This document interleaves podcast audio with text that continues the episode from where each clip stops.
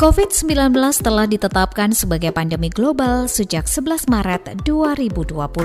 Sebagai masyarakat, banyak hal preventif yang bisa dilakukan untuk mencegah penyebaran COVID-19. Salah satunya adalah penggunaan masker. Nah, bagaimana cara penggunaan masker yang tepat? Pertama, pastikan tangan Anda bersih dengan mencuci tangan menggunakan sabun dan air yang mengalir. Ayo kita mulai. Pilihlah masker yang bersih dan tidak rusak.